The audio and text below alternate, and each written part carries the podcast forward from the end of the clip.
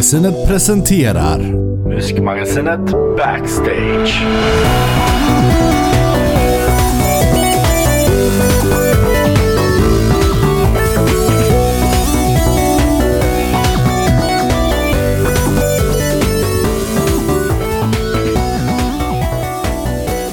Då kör vi. Ja, det gör vi. Hej!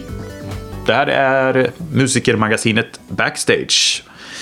Ja, i folkmun MM Backstage. Och eh, i och med att jag har hört två personer minst säga MM Backstage så kan vi etablera denna förkortning. MM Backstage står då kort för Musikermagasinet Backstage och bakom den ligger ju naturligtvis då tidningen med samma namn.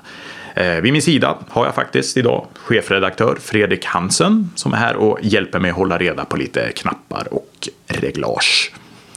Ehm, vill också betona att eh, ni som rattar in den här podcasten via olika verktyg som iTunes, Soundcloud med mera, se till att prenumerera på den så behöver ni inte ha så mycket bestyr med att hålla reda på när nya avsnitt kommer ut.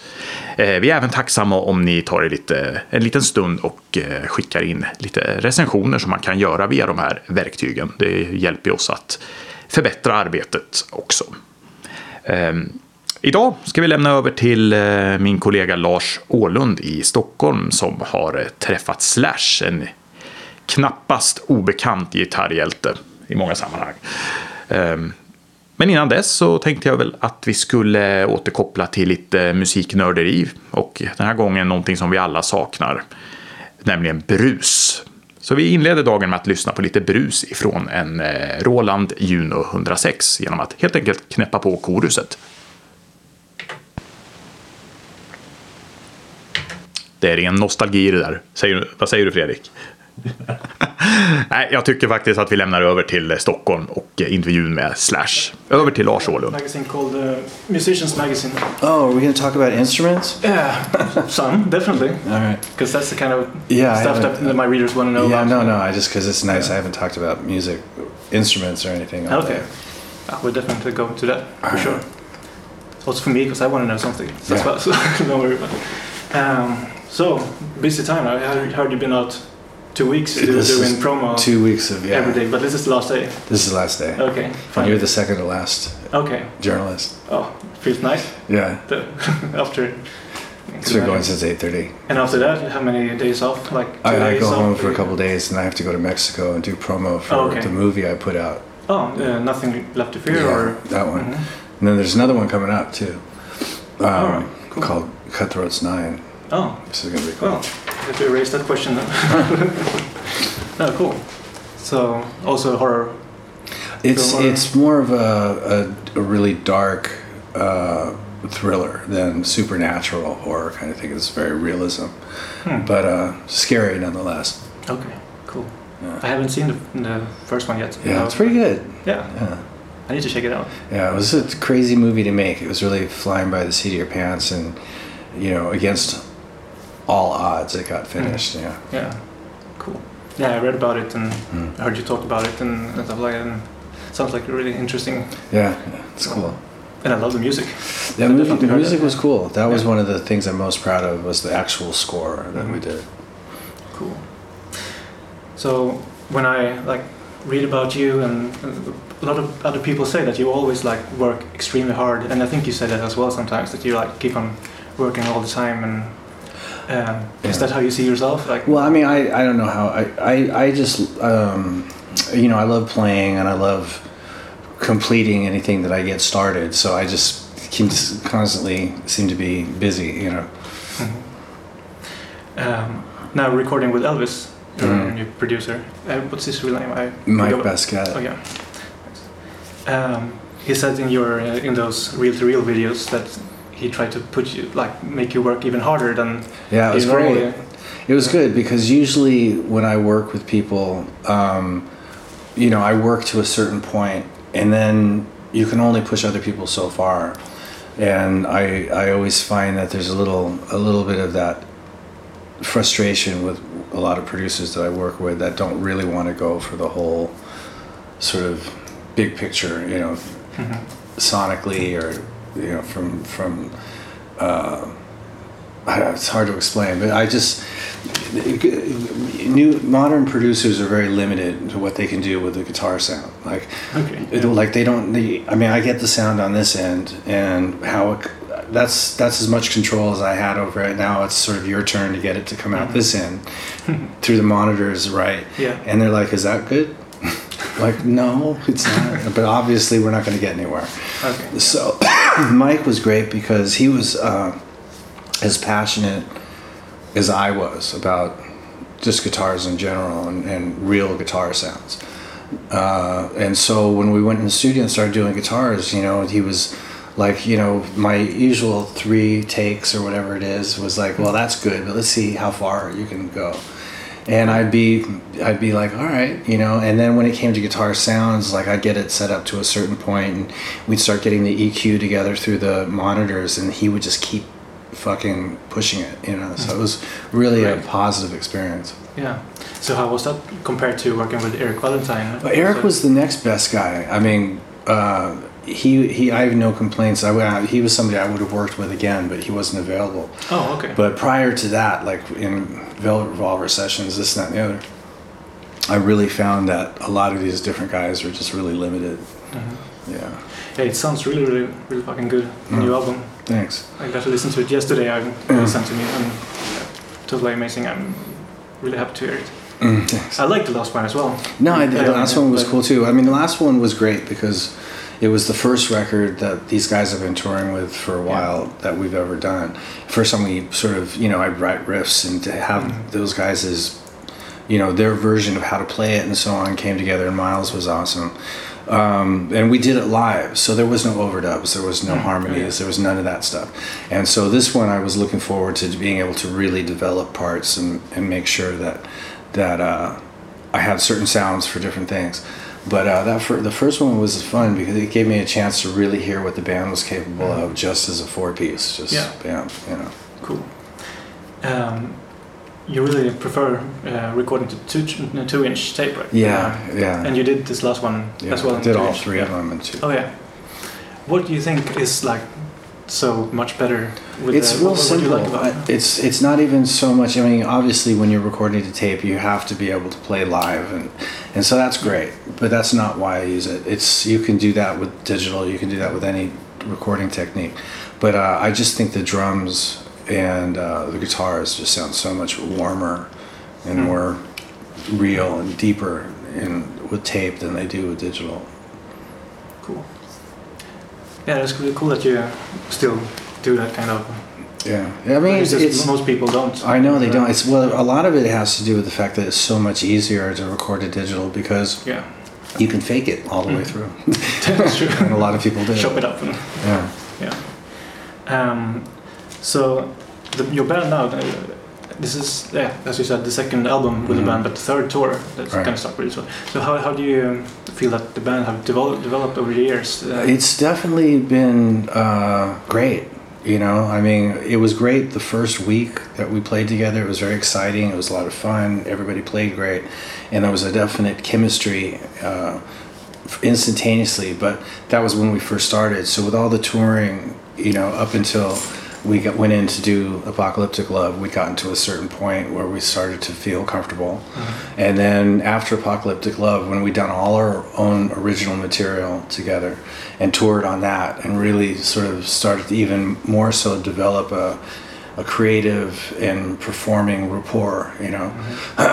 um, when we went in to do this record, it was, you could definitely tell the progress from the first record to the, Mhm. you know. So I'm looking forward to going out and doing this tour and, you know, and I'm sure it'll be interesting going in and doing the next record after this one. Are you going to come to Sweden and play? Because I couldn't Yeah. find anything on your. No, we we were trying to come on in November, December, like probably in December, but it was Okay. just really difficult to get from Beirut where we were, to get here and make Yeah. it cost effective. So, plus I'd want to do more than just one show. Or, Mhm. uh, so we're gonna do a Scandinavian tour uh, when we come back around next year.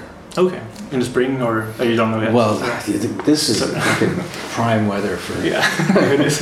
you know. So we'll see exactly where it lands. Uh-huh.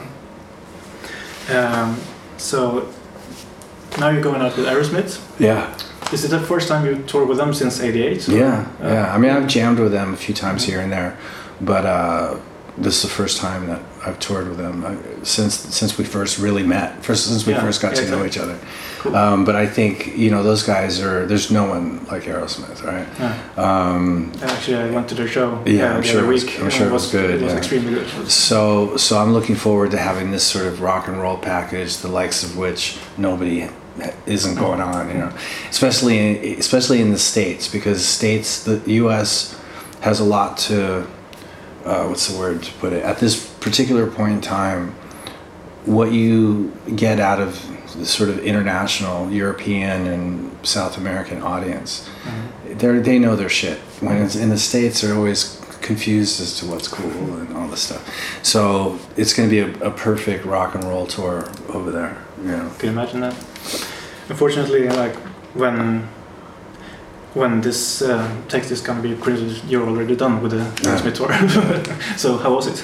Yeah, yeah. you know, uh, but I, I saw your the schedule for for European tour that you are booked to way bigger venues It this seems time. like there's bigger rooms, yeah. Yeah, so, that's really cool, which is it's it's nice and very gratifying that we managed to. But I'm very wary of starting to get into that trend of playing in two bigger rooms because I really like uh, intimate settings, you Yeah. know. And obviously, you want to play for a lot of people and all that, but it's it's it's important to have that that close interaction with an audience, you know, from an energy point of view. Um, so yeah, it's a double-edged sword. Yeah. Um, I want to talk a little bit about uh, the songwriting Mhm. writing process. Um, do you think that had developed since the last album? Definitely. Uh, Yeah. The way you work together with Myles, or the way you? I don't know if it's it's necessarily the way. I mean, probably. Um, you know, the first time around, it was sort of like we were out on tour for a long time, and I was writing during the tour, and I was doing demos, Mhm. and I, I would do mock drums and mock bass and do these full demos. Then I would send those to Myles just so he can get an idea of what was going on, and then start working with Brent and Todd to work those songs out, and that worked fine. And it's pretty much the same way, except for I didn't do demos this time. I just had the basic idea, and I just went straight into rehearsal with Brent and Todd and just worked them up together. So they really created their own parts and and Mm. whatnot. And then I'd send those demos to Myles. Oh, cool. You know, So And I- everyone in band was more involved. yeah, definitely more involved, and and uh, and I think just all around, I had I started to get a real idea of what maybe subconsciously what kind of songs, arrangements and stuff, over and above from the last time. Now that I have something that I feel secure with, Mhm. then I feel a little bit more at ease with writing however I want, and I know how Myles adapts to stuff and how well we can work together. So it's just a a more cohesive thing. That's cool. Yeah. Um, your new. I, I, need to ask about the cover of your new album because I got like got a feeling of is it homage to In Utero in a way like the backside of Nirvana album In Utero? Have you homage, homage to who? uh, Nirvana's In Utero? Oh, Yeah, because it's like it reminded me of, or maybe it's just I saw that connection, but maybe there are none. yeah. I don't even remember what the in utero. No, it was a collage of like. Yeah. Yeah. No, it was just uh, it was just basically um, a painting that I got from Ron English, who's an artist Oh, that I really like. And when I when I decided to name the album World on Fire, I knew exactly what kind of vibe I wanted. I just wanted complete chaos, you know, like lots of things happening all at once. And I went to Ron to see if he had anything that was already painted like that because I didn't have time to commission anybody Mm. because this was the album was almost done being mixed at this point. And uh, so he sent me a handful of paintings, and that particular one was called Cerebral Celebration. I was like, that's that's Cool. it, you know. But uh, otherwise, you are very like yeah, this time as well. But you're really hands-on with your album covers, and sometimes you draw them I sometimes I draw it myself. Yeah, I didn't have time for all that this No. time. Yeah. Do you think you got that from like your father and your mother? Well, I mean, my whole family, everybody in my family paints or illustrates or something Mhm. to that, you know. Um, so th- I mean, I've always drawn, you know. Uh, but as far as album covers designs were concerned, because my dad did so many album covers, we had a real affection for jackets, for album Mhm. jackets, and I really appreciated them, re- Mhm. even when I was a little kid. Yeah. So when I get into doing our covers, even though vinyl is not the most important platform to to release albums on anymore, I think about the vinyl. You Mm. know. It's still very nice format so for us music nerds. Mm. Yeah, but I mean, yeah, yeah, that's, that's basically it's like no mu- no matter what happens, I know that there are people out there that appreciate it as Yeah. much as I do. Yeah. you never thought of asking your father to do? it. He did album? actually. He did really. not this Which one, which but he did my first Snake Pit record. Oh really? So didn't I. I Yeah. came up with an idea. I gave it to my brother. He uh, got an artist to do. I don't know if you've ever seen that cover, but it's a big snake Yeah, I've seen it. S kind of thing. And that was actually photographed. That's in a photograph from Mm-hmm. a wall that was painted. This massive snake thing. And then my dad did the art design for that cover. Cool. So that was cool. Yeah. It's amazing. Um, talking about your parents, uh, I think you said in your book that you find it amusing being from a mixed background. That you are, um, how did you put it there? Or not amusing that you're from a mixed background, but that you are in music business. When Americans look at uh, England and the English British music and look at American musicians. Right. Um, uh, but what I was thinking about uh, coming up as a young kid, like when you started to playing, Mm. did you ever experience any prejudice because of that background and like being in a music genre that's like white male? Um, Yeah, I don't. I- You know, all things considered, I think, I don't think I don't. You know, I might have blocked it out. I don't recall mm, any real, you know, situations like that. I, but I, you know, at the same time, I never really fit in all that well either. So, mm. um, wasn't sort of specific racial anything, you Mm. know, but definitely I just wasn't like everybody else when Yeah. I was coming up in school.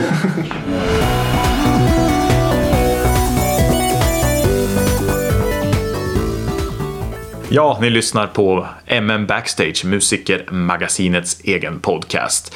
Eh, tidningen Musikermagasinet hittar ni förstås både på musikermagasinet.se men givetvis också på Facebook, så glöm inte att kika in där. Eh, vi ska tillbaka till eh, Stockholm och eh, Lars Ålunds intervju med Slash och de är i full gång att prata om gitarrer. You, you still use the Derek? The Derek guitar Um, is still my my main. Uh, whenever I do uh, a record that I'm involved with, you know, like it's my band or a band that I'm in or whatever the deal, that's always my main go-to guitar. On this record, it was uh, on this record since I did all the guitars. On the last one, Myles played guitar as well. Oh, yeah. So this one was just all me. Um, so I treated it like speaker right rhythm guitars would be what you would say slash sound. The Derrig guitar and Yeah, Derrig guitar and a uh, Marshall 800 or- combination. Um, and then speaker left would be the other guitars. So that's when I started experimenting with different guitars. And obviously, Les Pauls and Les Pauls sound like one big Les Paul. So I started using uh, a junior.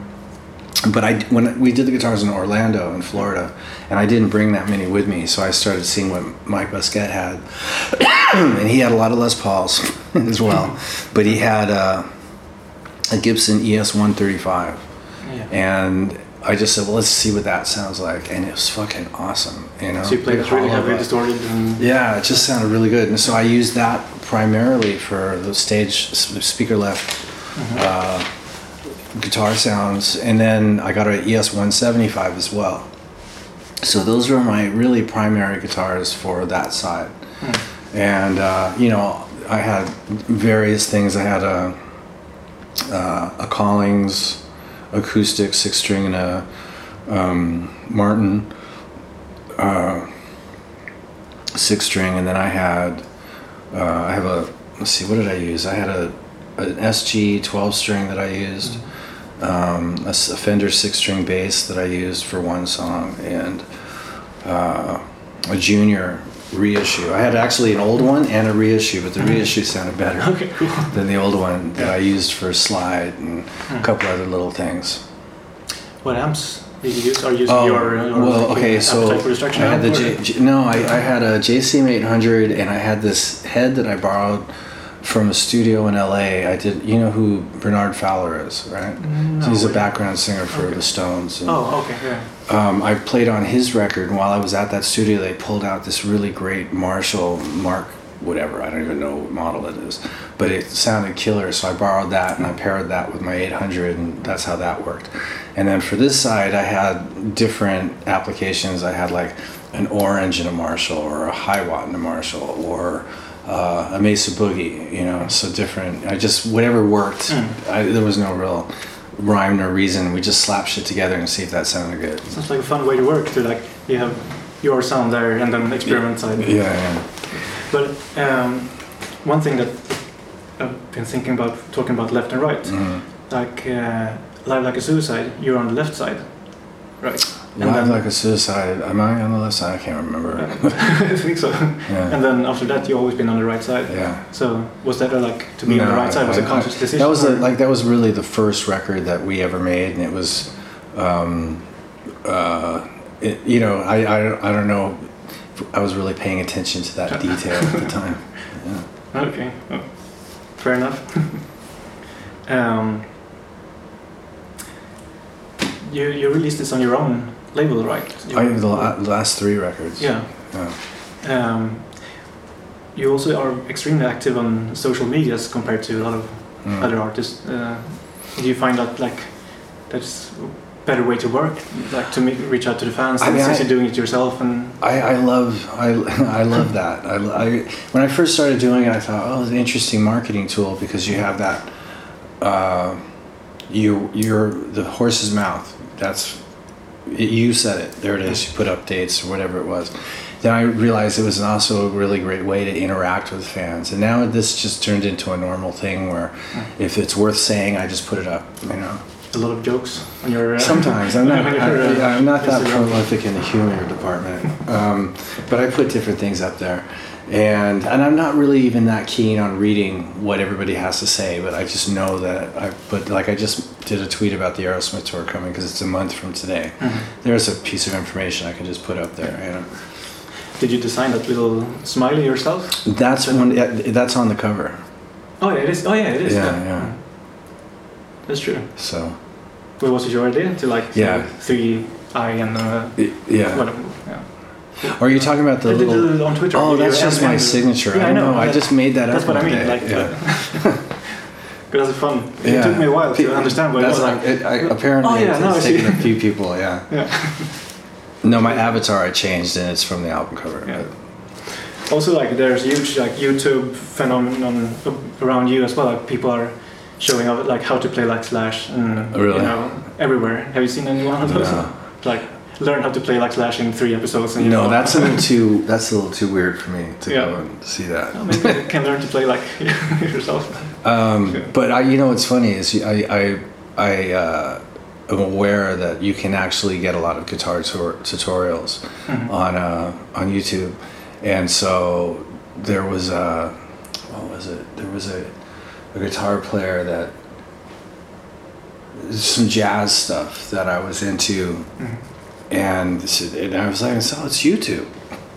so I mean, anything you want to learn is on YouTube. I, I, see, I'm still sort of old school. I use what I use, and there's a lot of other stuff that I don't use that people spend a lot of time on. Used YouTube. I just now started to really start to pay attention. I've actually got my own YouTube channel now, so it's it's interesting. It's still like sort of new to the me. to ones.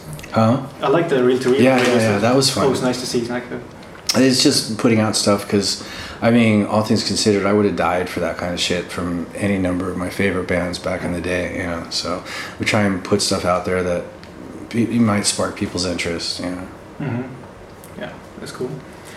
Um, you said somewhere, and the rumors spread pretty fast, that you're auditioning a new singer for Velvet Revolver. That was a while ago. Yeah. okay, maybe that was a while ago you said that. Yeah, but it came and went. Yeah, There's but not it, much else to say. coming up like last week, I think. It just popped up again. So maybe. Oh, okay. No, that was a, well. That was not that long ago. It was like a month and a half ago or Okay. something. hmm Is that something that's gonna happen, or is it? No, it, it didn't happen. Okay. Oh, oh well. You Yeah, do but, finding you a way. So. We try every time there's a, a possibility. Um, and the only reason everybody knew about it because I was dumb enough to be on some sort of uh, I was going to this gig, Ozzy's Map Award, and I was doing the, you know, the press line, and you get hit up, and I somehow it blurted out something about auditioning a singer. Otherwise, you never, all over the world, nobody would ever have known about it. Because anytime we do that, nobody nobody really knows about it. So uh, anyway, there you have it. Yeah. Um, Fabian? okay. So um, let's see. Yeah, actually, in '93, my first big concert where was you guys uh, here in Stockholm. Here in Stockholm. Yeah, do you remember anything from There, that? yeah. Now there was two shows, right? I think no, that was Just- a couple of years earlier uh, Oh. that you played two shows. This was one show at outside With Guns N'. Roses, Yeah, right? yeah. So Okay. no memories from that. Uh, I don't know. I mean, my the the sort of my Stockholm memories from Guns N' Roses go back to 1988, Mhm. and the only thing that really holds true with that um, that I really retained from that was it was just a killer, enthusiastic audience, and it wasn't until more recently, really in the last four years, I've really gotten to take uh, take Stockholm in, you know, and really sort of see my surroundings and and all that kind of stuff. So it's been nice. But back in the day, when you're doing those stadiums and stuff, they just put you in the middle of nowhere.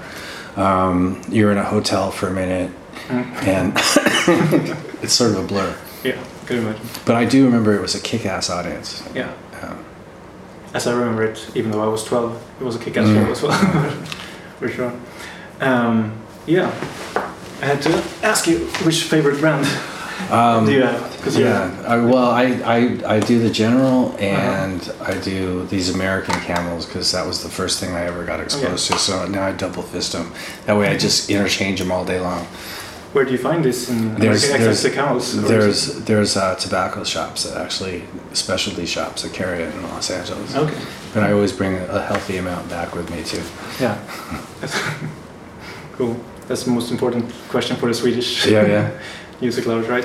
Uh, I guess. Every, yeah. everyone is like. Yeah, I well, I, Hooked up to I, I, it was funny because when the in 2010, I think it was, I came over here for the first time with these guys, Mm-hmm. with, with the conspirators, and and I was already on the snus stuff. So to be able to go to a store and buy it and find Anyway, like yeah. tons of it, it was great. Cool. Actually, my last question uh, I have for you is that's a pretty big question, so I don't know if we have, but we can scratch a little bit on the surface. Mm. Uh, that's about your animal things, like you're so involved in Mm. like rescuing animal, animals and stuff like that. And Yeah. I think find it really interesting and really cool. That's Uh, actually been going on for a while, but because of the social network thing, Mm-hmm. which is what's really great about it, is that awareness. You know, people are exposed to it a lot more, and, uh, and so now it's become people have been more aware that I'm involved with not just like well, there's elephants and seals and sharks and um, have been like the big public ones that that uh, everybody seems to know about.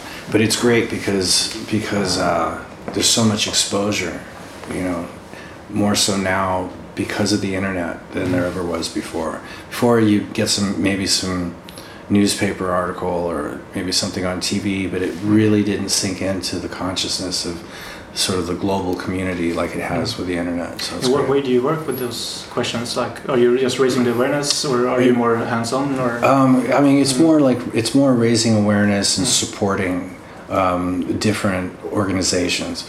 Um, as far as like uh, being very hands-on, you know, the thing with the rhinos and rhinos and as well as the ivory trade, um, we've done some public appearances and whatnot. You know, um, whatever whatever it is that I can do that that can contribute. You know? cool. Actually, the song uh, on the record, uh, uh, "Beneath the Savage Sun," is about that particular subject. Yeah, one of my favorite songs. From Oh, really? Yeah, that's about. And I think we're going to do a video that is totally uh, based on that particular subject. Mm, cool. I'm gonna take a second listen at that one. Yeah, with it's about the mind. ivory trade. Thank you so much. Um, thanks. Ja, men lyssna efter nu får du se här. För om vi trycker in först, det här är ju Chorus 1. Ja, brusar den mindre än Chorus 2? Det gör den ju inte. Det tycker jag är lite konstigt för att Chorus 2 låter ju fetare. Jaha, intervjun är slut. Ja, vi tackar Lars Ålund i Stockholm för den här eh, trevliga pratstunden med Slash som vi fick ta del av. Eh, just den här intervjun kommer även eh, i skriftlig form i kommande nummer av Musikermagasinet, nummer 10 för att vara mer specifik. Eh, ja, om ni gillade det här eller har några andra synpunkter på podden så se nu till att skicka in en recension via iTunes eller kommentera eh, via Soundcloud eller kommunicera via ja, den podcastkanal ni nu må använda er av. För all feedback är ju till en bra grund för oss att göra ett Eh, allt bättre jobb allt eftersom. Eh, I nästa avsnitt då ska vi stifta lite närmare bekantskap med det brittiska power metal-bandet Dragon Force. Så det ser vi fram emot och eh, missa inte det. Som sagt, bästa sättet är ju att prenumerera på podcasten. Då behöver ni inte surfa runt på internet i desperation och kolla om det har kommit något nytt sen senast, utan det plippar till i era surfplattor motsvarande per automatik. Ha en bra sommar så länge. Hej!